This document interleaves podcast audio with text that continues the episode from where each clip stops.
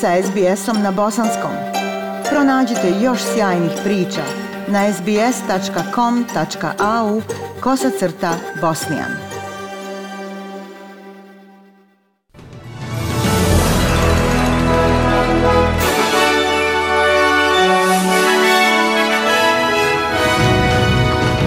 U današnjim vijestima poslušajte. Zastava aboriđina trajno će se vjoriti na Sydney Harbour Bridgeu. Laboristička vlada obnavlja svoje obećanje da će smanjiti račune za struju usred energetske krize. I u sportu Lana Pudar u finalu discipline 100 metara Delfin. Slušate vijesti SBS radija na Bosanskom. Aboriđinska zastava uskoro će postati stalna stavka na Harbour Bridge u Sidniju. Vlada Novog Južnog Velsa izdvaja 25 miliona dolara za postavljanje trećeg jarbola do kraja godine. To znači da će se zastava Aboriđina vioriti zajedno sa zastavama Australije i Novog Južnog Velsa. Premijer Dominik Perotej priznaje da je bio šokiran kada je saznao da će cijena biti 25 miliona dolara. I'm even surprised it takes this long. Iznenađen sam da je bilo potrebno tako dugo. Dao sam najavu prije nekog vremena i prvi izvještaj koji mi je došao rekao je da će trebati dvije godine da to uradimo. Ići ću u Banning sam, a zatim se sam tamo popeti da podignemo stup. Očigledno treba vremena da se izgradi i to je toliko troškova. Mislim da je to važna odluka koju smo donijeli. Donosi jedinstvo u našoj zemlji i mala je cijena za to ujedinjenje. Jarboli sa zastave su visoke oko 20 metara, a zastave zahtijevaju dovoljno jak priključak da izdrže sve vremenske uslove. Laboristička vlada kaže da ostaje pri izbornom modelu, obećavajući smanjenje računa za struju za 275 dolara godišnje. Glavne stranke su u sukobu oko toga ko je kriv za rastuću energetsku krizu u Australiji. Laboristi kažu da su naslijedili probleme od prethodne vlade za koju kažu da nije ulagala u obnovljive izvore energije u posljednjoj deceniji. Lider savezne opozicije Peter Dutton rekao je za ABC Insiders da je krivica svuda okolo i da ne možete samo upumpavati više obnovljivih izvora energije u mrežu. Uh, Bili smo agnostici u pogledu tehnologije ili izvora energije. To je poenta. Laburisti bi isključili ugalj prije mnogo godina. Argument Krisa Bowena Bowena, ministra za klimatske promjene i energiju, još uvijek kaže da se isključe gas i ugalj. Ovo je svađa koja traje posljednje dvije nedjelje. A ministar zapošljavanja Tony Burke rekao je za Sky News da je za preokret od 10 godina zanemarivanja potrebno vrijeme. Obnovljivi izvori energije su najjeftiniji oblik energije, ali ako želite da svoje obnovljive izvore i pohranu baterija dovedete u mrežu, morate poboljšati prijenos. Organizacije tržišta energije to su iznosile već duže vrijeme. Prethodna vlada je odbijala. To je sada značajan dio problema. Hladna zima i visoke cijene stanarine zajedno sa COVID-19 i cirkulacijom gripe doveli su do službi podrške koja traže pomoć da se suzbije porast beskućništva širom Australije. Podaci pokazuju da oko 100.000 ljudi trenutno doživljava beskućništvo. Humanitarna organizacija Wayside Chapel traži hitnu podršku javnosti kako bi pomogla prilivu ljudi u krizi koji traže sklonište. Izvršni direktor i pastor John Owen rekao je za ABC Breakfast da ima puno ljudi koji su dugoročno na rubu beskućništva. Utorak uveče bila je najduža i najhladnija noć u godini dok idemo prema zimskom solisticiju. Tokom posljednjih nekoliko nedjelja, kako je vrijeme postalo hladnije, a računi za struju se gomilaju, vidjeli smo oko 150 ljudi dnevno da dolaze u naše centre tražeći podršku, ljubav i toplinu. Nakon dvije godine izolacije očekivali smo da ćemo vidjeti ista lica, ali svakodne svakodnevno viđamo nova lica.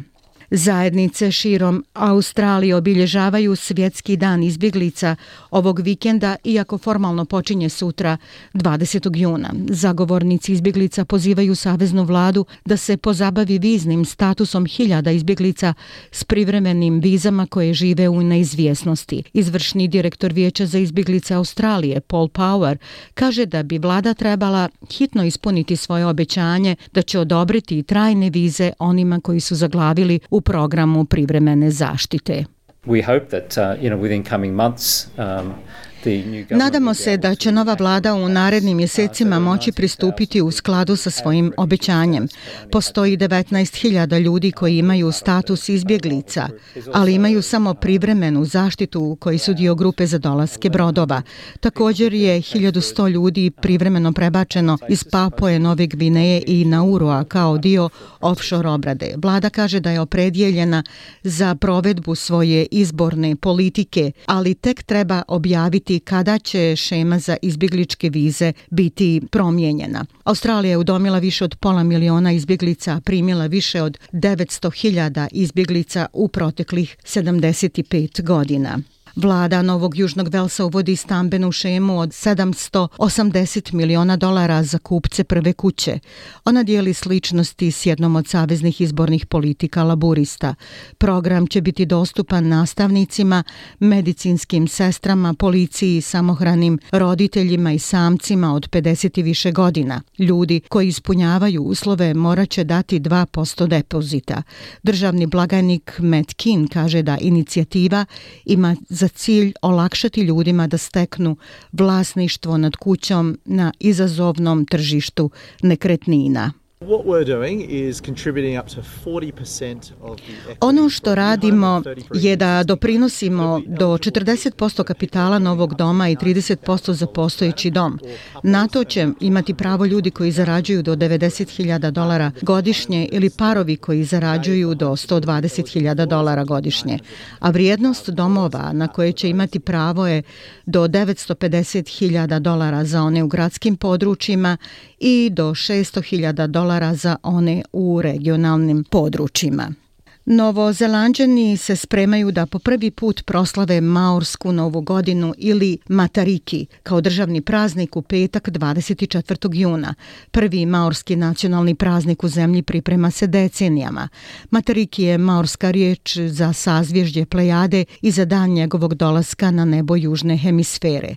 U nekim kulturama skup od sedam zvijezda zove se sedam cestara, neke ga zovu plejada, a u Japanu se zove Subaru. Vijesti svijeta. Generalni sekretar NATO-a Jens Stoltenberg kaže da bi rat Rusije u Ukrajini mogao potrajati godinama. On je također upozorio da će snabdjevanje ukrajinskih trupa najsevremenijim naoružanjem povećati šanse za oslobađanje regiona Donbasa od ruske kontrole. Zvaničnici u Kijevu kažu da planiraju nastaviti mirovne pregovore s Rusijom do kraja augusta. Vitalij Kličko, bivši šampion u boksu i gradonačelnik Kijeva, kaže da će zemlja biti u boljoj poziciji za pregovore. Bićemo spremni da razgovaramo sa Rusijom o pravljenju neke vrste kompromisa samo kada posljednji ruski vojnik napusti Ukrajinu. Tek tada će biti vremena za razgovor. Ruski vojnici moraju otići.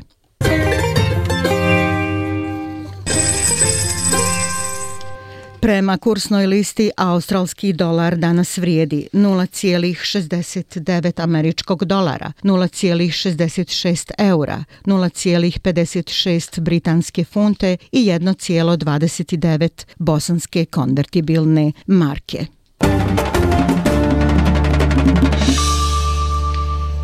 I vijesti sporta, najbolja bosansko-hercegovačka plivačica Lana Pudar plasirala se u finale discipline 100 metara delfin na svjetskom seniorskom prvenstvu koje se održava u Budimpešti.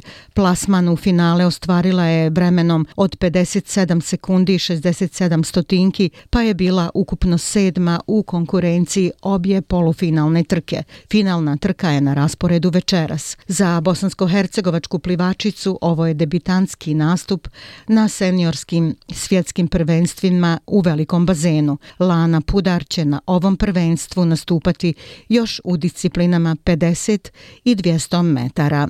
Delfin.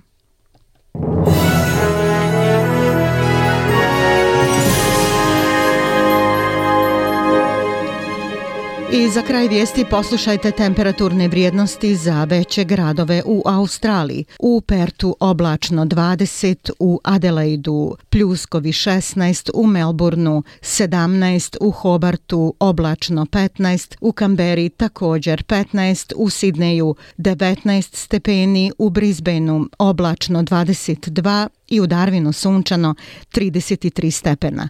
Bile su ovo vijesti SBS radija na bosanskom jeziku. Ja sam Aisha Hadži Ahmetović. Ostanite i dalje s nama.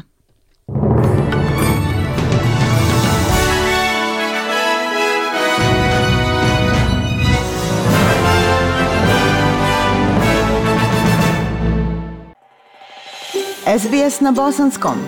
Podijelite naše priče preko Facebooka. Želite poslušati još ovakvih priča?